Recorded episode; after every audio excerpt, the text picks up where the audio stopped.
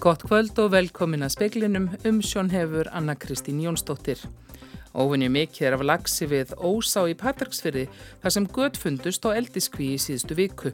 Hvorki þó hægt að fullir það hver margir fiskar sluppu, nýja hvort fiskar sem veðist hafa í ám á norðvesturhóllinu eru úr kvinni. Lauruglu bárust tilkynningar um 79 nöðgani fyrstu 6 mánuði ásins og bönn voru næstum helmingur þólenda kynferðisbrota á tímabilinu. Íslenska óperan hefur sótt um enga leifi á vörumerkinu Íslenska þjóðaróperan á sama tíma og verið að undibúa stopnum þjóðaróperu í menningar og viðskiptaraðanittunu. Aðeins eitt af hverjum þremur skólabönnum í Úkrænu fær fulla kennslu í vetur, meir en hálf miljón barna á flóta er ekki skráð í skóla. Óvinni mikill lags er fyrir utan ósá í Patricksfyrði. Tilkynnt varum gött á eldiskví í fyrðinum í síðustu viku. Matfélagstofnun segir ótímabært að segja til um hvort rekja megi eldislags í ám á norðvesturlandi til kvíjarnar en misræmi upphafsfjölda eldislagsa í sjókví Arctic Sea Farm og slátrarafiska gæti verið hátt í 3500 fiskar. Svo talar þó sögð innan skekkjumarka og gæti verið hærrið að lægri. Þegar göttinn komu á kvína vorum 84.000 lagsar í henni. Matfælastofnum býður eftir erðagreiningu á lögsum með eldis enkenni sem hafa veðist til þess að geta staðfest upprunnan og nánar verður fjallaðum þetta í sjónvarpsfréttum klukkan 6. Tæpur helmingur brotaþóla kynferðisbrota fyrstu sex mánuði ársins eru börn. Þetta kemur fram í nýri skýrslu frá ríkislauglustjóra. Stæstur hluti þeirra sem leita meðferðar við óæskiljum kynferðslegu hugsunum og hegðun í kringum börn eru kallmenn á aldrinum 18 til 60 ára. Lauraglann skráði í allt 259 tilkynningar um kynferðisbrot á tímabilinu. Það samsvarar 16% fækkun frá síðustu þremur árum. Samkvæmt skíslunni er helsta breytingin fækkun á tilkynningum um nöðganir og stafræn kynferðisbrót. Tilkynningar um kynferðisbrót gegn börnum eru álíka margar og sama tíma í fyrra. Fyrir tveimur árum tóku nokkri sálfræðingar sér saman og stopniðu úrræðið taktu skrefið fyrir fólk sem hefur áhyggjur af kynferðislegum hugsunum sínum og hægðun í kringum börn. Jóhanna Dagbergsdóttir, eitt sálfræðingana, segir þau fá eina til tvær fyrirspurnir á viku. Allt í allt eru kominir um það byrj 60 einstaklingar sem hafa nýtt sér þjónustu okkar frá því að við byrjum sem að við erum bara mjög ánægða með með hvað þetta er nýtt og kannski sérstakur hópur, ef svo maður segja. Í úrræðinu er bóðið upp á meðferði óæskilegum kynferðslegum hugsunum og hægðun. Jóhanna segir alls konar fólk sækja úrræðið. Út frá þessari kannski vitundavakningu sem er í gangi núna þá er þetta algengast að það séu kallmenn á aldrinum uh, átun uppi kannski 65 eða eitthvað svo leiðis 55 þannig að það er kannski hópurinn sem er að koma mest til okkar. Jóhanna segir aðstandendur átaksins vona að það verði til þess að hópurinn sem það beinist að taki áberð á hegðun sinni og leiti sér aðstúðar. Það er ekki spurninga, það er hægt að fá aðstúð með þetta og breyta hegðun sinni og, og lifa innhaldsríku lífi. Þannig að það er, það er okkar von og markmið að það komi einhverjir út frá þessu og fái þá aðstóð sem þið þurfa. Saði Jóhanna Dagbjörnsdóttir, Karitas M. Bjarkadóttir tók saman. Fellibilurinn Ídalja gekk yfir Flórida í bandaríkjunum í dag um 250.000 eru án Ramax. Ríkistjóri Flórida segir að engin döðsvöll hafi verið staðfest en sé þó verið að meta aðstöður. Víða örðu miklar skemdir og stormurn er nú í hámarki í Georgíu. Dreigið hefur úr krafti og Ídalja er orðin fyrstastiks fellibilur. Þegar hún kom á landi í Flórida var hún flokkuð sem fjörðastiks fellibilur. Stærð og umgjörð bankakerfisins er ástæði þess að vakstamunur er meira á Íslandi en annar staðar á Norðurlöndunum að mati formans stjórnar félags fjármálafyrirtækja. Hann segir að meðtarður bankana skili sér til neytenda. Í gerginti Lilja Alfredsdóttir viðskiptar á þeirra skýslu um gjaldtöku og arðsemi íslenskra banka. Í henni kemur meðal annars fram að vakstamunur er meiri á Íslandi en annar staðar á Norðurnöðunum. Benedikt Gíslason, formaður stjórnar félags fjármálafyrirtækja, segir að hlutaf skýringunni megi rekja til þeirrar umkjarðar sem sett var um bankakerfið eftir 2008. Að vera með öflugt og stert bankakerfi með mikið fyrir. Það er önnur umkjör líka í kringum skattlagningu sem er svo hæsta í Európu, sértak skattlagning og svo er auðvitað smæðin að spila þarna inn í. Í skýrslunni kemur líka fram að arðsemi bankana hefur ekki verið meiri frá endurist þeirra eftir hrun. Bindikt segir að þessi arðsemi sem á hagkvæmeri rekstur bankana hafi skila sér til neytenda. trátt fyrir að arsemi bankana hafi verið að aukast að þá hefur þetta skilað sér til neytenda í því að vakstamunur heimila hefur aldrei mælst eins lár eins og núna samkvæmt uh, nýjum peningamálum frá Sælubankanum og þetta er einmitt staðfyrst í skýslunum líka að, að vakstamunur heimila hefur verið að lækka á síðustu árum og bankarnir hafa verið að skila þessara hæraðingu og eins að, að annar kostnar við Eh, þjónustugjöld er bara sambarilegu við það sem þekkist á Norrlöndum. Viðskiptar á þeirra hefur skorað á bankana að minka vakstamun. Bendikt segir að bankarnir sé að leita leiða til að verða við því þó sé samkeppnin á íslenskum fjármálamarkaði mikil sem sé gott fyrir neytendur. Pétur Magnusson tók saman. Svandi Svavastóttir matvælar á þeirra hegst greina frá ákverðunum framhald kvalveiða að loknum fundi ríkistjórnarinnar á eigilstöðum á morgun Hún stöðvaði kvalviðar tímabundi 20. júni, daginn áður en þær átt að hefjast. Það gerðun á grundvelli skýrslu matfælastofnunar um velferð kvala og á grundvelli fag, álitsfagráðs um velferð dýra, þar sem meðal annars kom fram að veiði aðferðir samræmtust ekki lögum um dýra velferð. Síðasti dagur bansins er á morgun. Rekjum á 213 andláti fyrra til COVID-19 samkvæmt árskýrslu sótvarnalæknis. Alls smittuðust 179.000 af koronaveirun í fyrra og ekki hafa fleiri smittast af lekanda á einu ári meirinn 30 ár. Smitbylgjan sem tengd var við Omikron afbyrði COVID-19 hófstu um miðjan desember 2021 og helt áfram að aukast á árinu 2022. Síðasta stóra bylgja faraldusins reyði við setni hluta vetrar og stóð fram á vor. Hámarki bylgunar var náði lók februar þegar nýgengi smita fór yfir 10.000 á hverja 100.000 íbúa. Þrátt fyrir mikinn fjöldagreininga viktust hlutfalslega færri alvarlega samanborið við fyrir bylgjur. Öllum opinberum sótvarnaraðgerðum vegna heims faraldursins var aflétt 25. februar. Lítilbylgja gekk yfir um mitt sumar en eftir það fór greindum smitum fækandi. Í skýrslunni kemur fram að 213 andlóti fyrra séu skráð með COVID-19 sem undirlikjandi orsök. Útbreðsla kynsjúkdóma eikst áfram. 158 greindust með lekanda í fyrra og hafa ekki verið fleiri í ríflega 30 ár. Ekki hafa komið fram ákveðnar skýringar á þessari aukningu, segir í skýslunni, en hugsanlegar skýringar kunni að vera minni nótkunn smokka og aukinn fjöldi bólfélaga. Hlutfalslega fleiri karlar greinast með lekanda en konur á bylinu 65 til 90%. Valgerður Gretakja Gröndal sagði frá. Donald Trump, fyrirverandi fórsetta bandaríkjana, heitir því viðtali að hann láti fangelsa pólitíska anstæðinga sína komistan til valda. Trump segist ekki eiga annar að kosta völ þar sem pólitískir anstæðingar hans séu þegar byrjaðir að reyna að láta fangelsa hann og stuðningsmann hans. Trump var spurður hvort hann yðræðist þess að hafa ekki neft Hillary Clinton í fangilsi eins og hann hétt í fyrir kostningabartsinni. Hann svaraði að í þetta sinn hefði hann ekki um annað að velja því anstaðingar hans væru farnir að fangilsa. Fylgis, fylgismennina. Trump á yfir höfði sér ákjæru 91 lið meðal annars fyrir tilraun til að hagraða úrslitum kostninga með þær trúnaðagagna og mútugreðslur. Íslenska óperan hefur sótt um engaleifi til hugverkastofu á vörumerkinu Íslenska þjóðaróperan. Óperustjóri segir að þetta sé ekki gert til að bregða fæti fyrir stofnun Íslenskrar þjóðaróperu sem er í undibúningi í menningar og viðskiptaraðanitunum. Íslenska óperan er sjálfsegnastofnun sem hefur notið fjárframlega frá ríkinu. Nú hefur verið tilkynnt að fjárstuðningi við hann að verði hægt vegna áforma um að koma á fót þjóðaróperu. Umsóknum engaleifi var lögð fram í fyrradag. Samkvæmt upplýsingum frá hugverkastofu tekur vinsla hennar alltaf þrjá mánuði. Steinun Birna Ragnarstóttir, óperustjóri Íslenska óperunar, segir að sótt hafi verið um leifið til að geta notað vörumerkið ef þjóðarópera verður stopnuð á grunni Íslensku óperunar. Við sóttum í rauninu um endur nýjan á okkar vörumerki Íslenska óperan sem stofnun hefur haft í 45 ár og ef að til þess kæmi sem við erum að vona að hún er í gerða fjóðaróperu þá er það mögulega titullennar. Þeir eru þá ekki að sækja um þetta einhvern veginn til höfðus þeirri vinnu eða? Nei, alls ekki og það sem við höfum alltaf staðið þeirri trú að til stofnun að fjóðaróperu kæmi þá myndu byggjast á Íslensku óperunni í nýju rekstraformi og auknum fjárframlegum að þá auðvitað fylgir nafnið með stofnuninni en það er ekki gert neinum til höfus.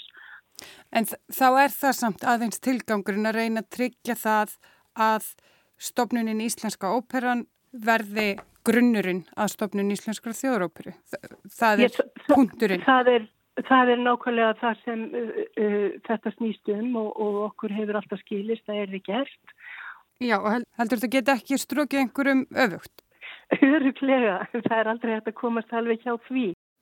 Saði steinun byrna Ragnarstóttir, Ástallín Magnúsdóttir talaði við hana. Skólar verða settir í Ukrænu síðar í þessari viku. Í landin eru 6,7 miljónir barna og unglinga á aldrinum þryggja til 18 ára. Ljóst er að vegna innrásar rúsa í landið á skólastarf eftir að ganga bröðsuglega, ekki síst vegna þess að stöðugar árásir hafa verið gerðar á skólahús við svegar um landið frá því að innrásin hófst í februari fyrra. Þetta kom fram í máli Reginu de Dominiks, svæðistjóra barnahjálpar saminuðu þjóðana, UNICEF í Evrópu og mið Asíu, þegar hún fjallaði um ástandið á fundi með frettamönnum í höfustöðvonum í Genf. Just last week, teachers were amongst casualty of an attack on a civilian area in the city of Romney. The attack uh, ripped through a school where teachers were preparing lesson for the new academic year. Í síðustu viku var kennari meðal þeirra sem lést í árás á íbúðarkverfi í borginni Romni, sprengjalenti á skólabyggingu þar sem verið var að undirbúa kjensluna í vetur, saði D. Dominiks. Að hennar sögni hafa yfir 1300 skólabyggingar verið lagðar í rúst. Fjölmargar til viðbótar eru svo mikið skemdar að ekki verður hægt að nýta þær til kjenslu á þessu skóla ári. Innrásin í Úkrænu er orðin að stríði gegn börnunum, segir D. Dominiks.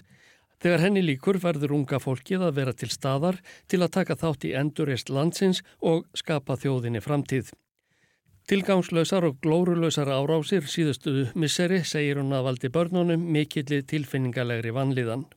Just one in three school children in Ukraine are learning in person full time. Aðeins eitt af hverjum þremur skólabörnum í Ukrænu er í fullu skólanámi, segir De Dominiks og bætir við að þrjú börn af hverjum fjórum á átakasvæðunum eigi þess ekki kost að vera í leggskóla. And we know that three quarter of children of preschool age in frontline areas are not attending kindergarten. Nýjustu kannanir UNICEF meðal ukrainskra kennara leiða í ljós að færni nefnda í móðurmálinu hefur rakað frá því að rússar reyðust inn í landið. Sömu sögu er að segja um kunnáttu þeirra í erlendum tungumálum og stærfræði. Meira en hálf miljón barna sem hafa flúið til annara landa vegna stríðsins heimafyrir eru ekki skráð til náms í upphafi skóla ársins í Londonum þar sem þau og fjölskyldur þeirra hafa fengið hæli.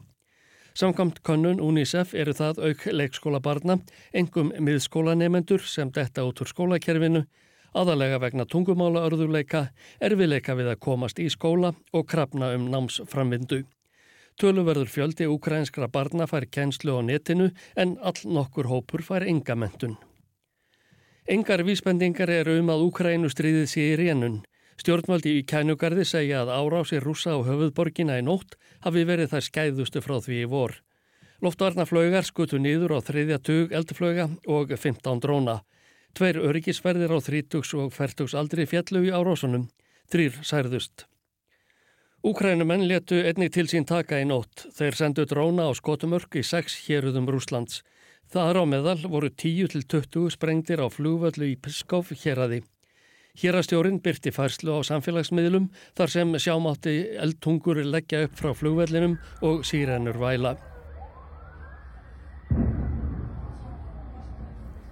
Hérastjórin sagði að ein herrflutningaþóta af gerðinni Iljúsin í L76 hefði skemst í árásinni.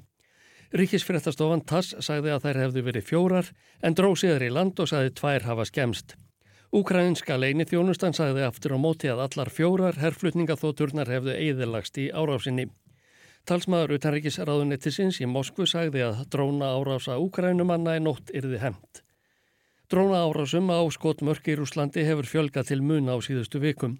Að sögn Breskaríkis útvarpsins eru þar orðnar 190 talsins það sem afir ári ef árásir á hið herrtegna krímhjerað eru taldar með. Flestar urðu þær í nótt allt frá söður hluta landsins til hjeraða í norðvestur hlutanum. Þrýr letust í dróna árás að Belgorod á miðvíkudag fyrir viku.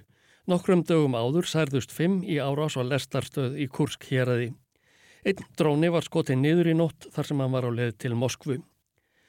Mannréttindastofnun saminuðu þjóðana greindi frá því í dag að 9.511 almennir borgarar hefðu fallið frá því að rússar réðust inn í Úkrænu í februari fyrra.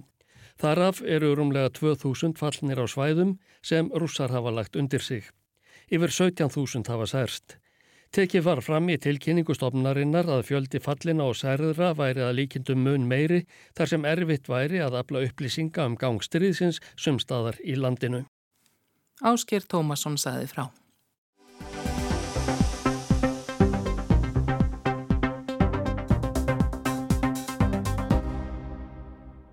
Það er alltaf gaman að fylgjast með vísindamönnum og öðrum starfsmönnum NASA sleppa sér þegar þeir ná árangri.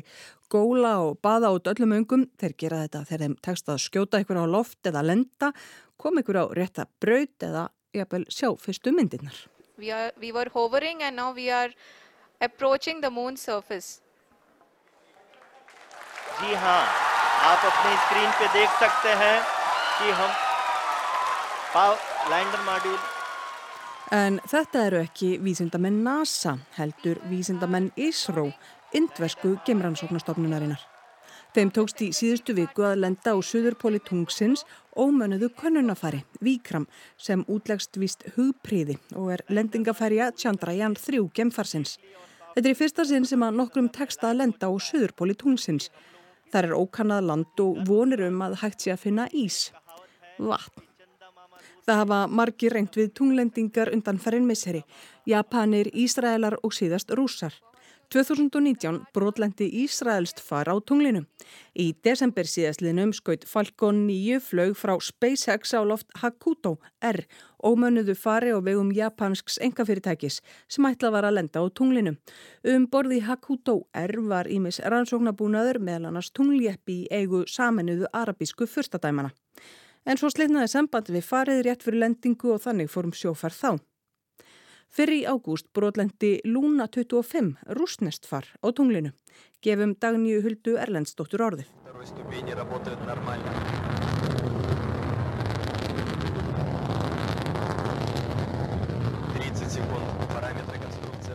Leiðangurinn hófst 11. ágúst og ætlunin var að Lúnu yrði lent mjúklega á söðurpól tungsins í kringum 20. ágúst. Þar með hefðu rússar orði fyrstir þjóða til að senda könnunarfara á söðurpólinn. Vísindamenn eru áhuga samir um að rannsaka hvort að leynist vatn. Ætlunin var að Lúna 25 sem er ómönnuð yrði á tunglinu í ár, tæki yfirborð sínu og greindi jarðveginn. Ferðin átti að marka upp af nýrar tunglferða áætlunar rússa þegar fyrstu frá 1976 þegar Sovjetríkin voru í farabróti geimrannsókna. Aug Sovjetríkjana hefur bandarækjumönnum og kínverjum tekist að lenda konunarförum sínum á tunglinu. NASA keppist við að búa sig undir tunglferð. Artemis 2 áætlunin miðar að því að fólk fljúi í kringum tunglið undir lok næsta árs. Það eru ímis fleiri ríki sem að spennast fyrir gemferðum meðal annara Sáti Arabia og af öllum ríkjum, Luxemburg. Í Luxemburg er talsverður áhugi á að landið verði einhvers konar miðstöð gemferða þar sem saman geti komið nýsköpun, samstarf og ekki síst fjármálaþjónusta tengt gemferðum. Framtíðin virðist fyrir að komin. Kapplaupið um tunglið er raunverulega hafið 62 árum eftir að John F. Kennedy bandarækjaforsætti flutti fræga ræðu. We choose to go to the moon. We choose to go to the moon.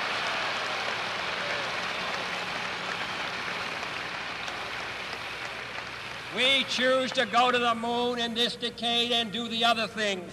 Not because they are easy, but because they are hard. Og fyrir 54 árum tóksta Níl Armstrong steg fæti og tunglið og bandarækjumenn hafðu erki fjendurna sovjetmenn undir sem hafðu haft undir tökinn frá því að gerfinhettinum Sputnik var skotið á loft 1957 og síðar þegar Júri Gagarin var fyrsta manneskjan til að komast út í geim í april 1961. Það var síðar sama ár sem að Kennedy flutti ræðuna. We set sail on this new sea because there is new knowledge to be gained. Við höldum úr höfn út á þetta nýja haf að því að þar er nýja þekkingu að finna og nýra réttinda að abla til framfara fyrir mannkinn allt. Því geimvísindi hafa ekki eigin samvinsku frekar en kjarnorkuvísindi að tækni yfir leitt. Hvort geimferðir verða ab til góðs eða íls ræðst að breytni mannsins. Aðeins með því að bandaríkina og yfirburðarstöðu getur við haft áhrif á það hvort í nýja haf verður haf friðar eða nýtt ókvanlegt leiksvið vígaferðla.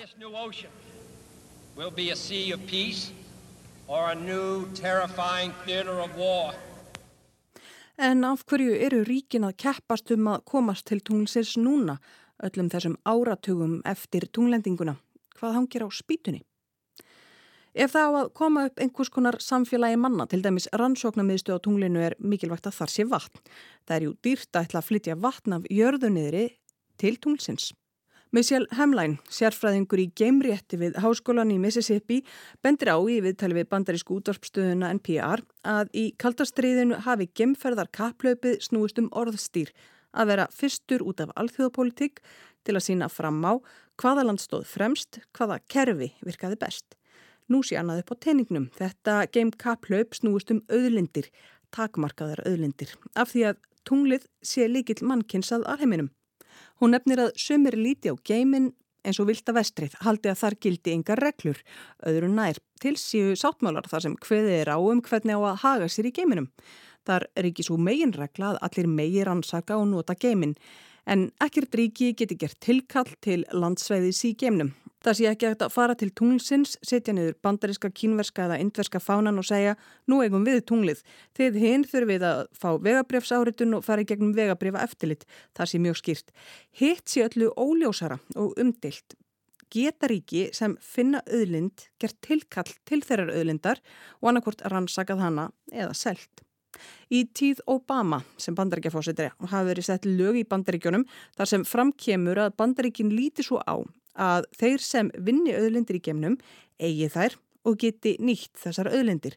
Samskonarlaugjöf hefur síðan verið sett í Japan, í Luxemburg og saminuðu arabísku fyrstadæmanum.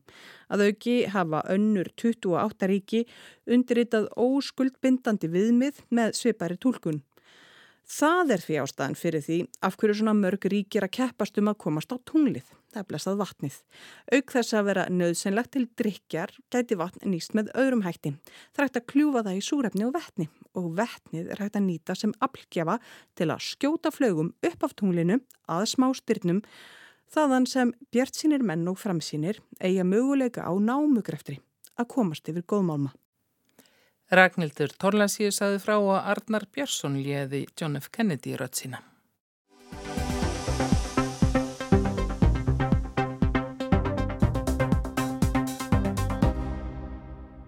Markmið byggingareglugerðar eru nokkuð hálitt og mikið undir. Vernda á líf og helsu manna með faglegum undirbúningi mannvirkjagerðar og virku eftirliti með því að kröfum sé fullnægt. Burðarþól, brunavarnir, hotlusta, hljóðvist og þrif, þetta er bara brotaði sem hún fjallar um og þá líka stöðla endingu og hafðkæmni, vernd umhverfis, sjálfbæri þróun og tæknilegum framförum, tryggja aðgengi og stöðla góðri orkunýtingu. Núgildandi byggingareglgerð var sett fyrir 11 árum, hún er um 150 síður og hefur verið breytt árlega. Yngveldur Sæmundsdóttir leiðir stýrihóp sem settur var að fót í vor og vinnur að hildar endurskoðun. Miðaði við að því starfi ljúki eftir rúmt ár. Yngveldur fjallaði um þetta á húsnæðistingi í dag og hluti af yfirskriftin og erendennar var þetta þarf ekki vera flókið en þegar allt þetta er undir verður þetta ekki alltaf flókið sagt, hópurinn, stýrahópurinn, hann uh, mun hafa til hlýðsjónar tilur sagt, frá OECD sem að lagði 316 tilur til úrbóta á lögum reglumgerðum í byggingareinaði og það var svona áherslan það sagt, að auka sjálfbærni, stafræna stjórnsíslu og gæði sem að hérna er kannski líka svolítið að þú spurðum sko þarf þetta að vera svona flókið og það er okkur að þetta það þarf svolítið að skýra hlutverk og ábyrð uh, betur, það er ákall eftir einföldun. Áherslan er á að minga tafir og auka haugkvæmni því tafirna kosta en það er ekki einfalt mála byggja mannvirki, segir Ingveldur. Margir komað og því mikilvægt að stjórnsíslan sé skýr. Það sem byggingareinarinn uh, hefur gríðaleg áhrif á hagkjærfið og þá er þetta betra að það þurfi kannski ekki sérmænta löffrænga til að tólka byggingareglgjöruna. Hún er sko 150 blæsir og það þarf að setja hana fram á mannamáli þannig að hugtök sé eins í gegnum hana Og það sér jafnvel svo nú að kaplari reglugjörðinni stangist á. Það sem að hefur kannski helst verið líka verið að vefjast fyrir uh, þeim sem að er að nota reglugjörðina, þeim sem er í byggingareinanum, uh, það er svona, kannski er ekki nóg mikið samræming. Þannig að fólk hefur svona upplegað að þau þurfi jafnvel að krosslesa alla reglugjörðina, þessar 150 blasir til þess að finna það sem leitað er að. Það eru jú vissilega leifinningar til uh, skýringa og það er bætast þá við þessar 150 plassiður sko.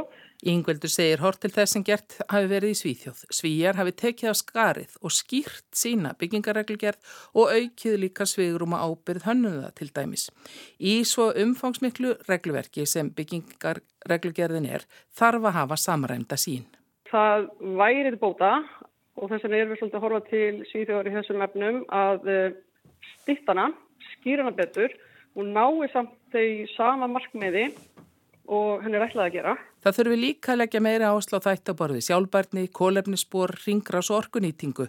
Neytendavernd þurfi líka að skýra og tryggja að fólk sé ekki berskjaldað ef uppkoma byggingagallar. Talaðum það að við þurfum að horfa á tryggingarvendina, auka tryggingarvendina, setja þá starfsóp að stað sem að gæti skýst þau réttindi betur. Hérna á Íslandi þá eru svona þessar ábyrða tryggingar. Þannig að það uh, gerir þeim sem að kaupir erfvera fyrir um að rekja sögu mannvirkisins. Þannig að ef að uppkvæða vandamál eins og bygginga gallar en hluti á því að tryggjana rekjaleika er um þetta skýra ábyrðina skýra ábyrð og hlutverk þeirra sem koma að mannvirkikjörn. Aukin heldur segir Ingveldur að með stafrætni þróun aukist og batni eftirlitið með hönnun og framkvæmt. Þegar að skjölinn sem að eru, sem að skjölinn verða árið stafræn, verða komin að fullum inn í, inn í kerfið og það verður bara svona eitt viðmátt, viðmátt þar sem allir sjá sömu myndina. Þá verður auðveldur að uh, reykjalegi auðveldari sem að tryggir þá ákveðin gæði. Þá er auðveldur að, að sjá þeir sem að eiga fylgja gæðum, þá eiga þeir auðveldur með að fylgja því eftir og eins líka bara hérna, verður þá auðveldur fyrir þann sem að lendir í einhverju að, að sækja þá reykjaleika eða sækja rétt sín eftir reykjalenga. Í öllu þessu starfi verði öryggi og gæði í fyrirrumi. Í reglugerðinni eru núna til dæmis nákvæm fyrirmælum ímislegt, til dæmis hver mál á brefalúum eiga að vera upp á sentimetra. Yngveldur segir að síðustu ár hafi reglugerðin þróast í það átt að hún snúist frekar um markmið en forskrift. Og við sagðum frá því meðal annars í speklunum í kvöld að óveinu mikið er af lagsi við ósá í Patræksferði þar sem gött fundust á eldiskví í síðustu viku. Hvorki þó hægt að fullir það hver margir fiskar sluppu, nékvort fiskar sem veðist hafa í ám á norð-vesturhóttninu og líta út eins og eldislagsar eru úr kvinni. Lögreglu bárust tilkynningar um 79 nöðganir fyrstu 6 mánuði ársins, bönn voru næstum helmingur þólenda kynferðisbrota. Stærð og umgjörð bankakerfisins skýrir það að vakstamunur er meir á Íslandi en annar staðar á Norðurlöndunum segir formaður stjórnar félags fjármálafyrirtækja. Íslenska óperan hefur sótt um enga leifi á vörumerkinu Íslenska þjóðaróperan á sama tíma og verið að undibúa stopnun þjóðaróperu í menningar og viðskiptaraðanitunu. Veðurhorfur næsta sólarhingin það verður suðaustlega 8-13 metrar og skýjað með köplum kvassast með suðvestu ströndinni. Sömstaðar dálittar skúrir, engum síðdeis og heldur hægari á morgun, hitt á bylnu 8 til 16 stig. Veðustofan betur líka á að búist er við suðvestan stormi og rigningu á föstudagskvöld og fram á lögadag. Verst verður veðrið sunnan og vestan til en útlitt fyrir að það verði slemt í öllum landslutum og ráðulegt að hugaða lausamunum og öðru sem gæti fókið. En fleira er ekki í speiklinum í kvöld. Tæknimaður var Kormakur Marðarsson, Margret Júlia Ingimarsdóttir stjórnaði frétta útsendingu veriði sæl.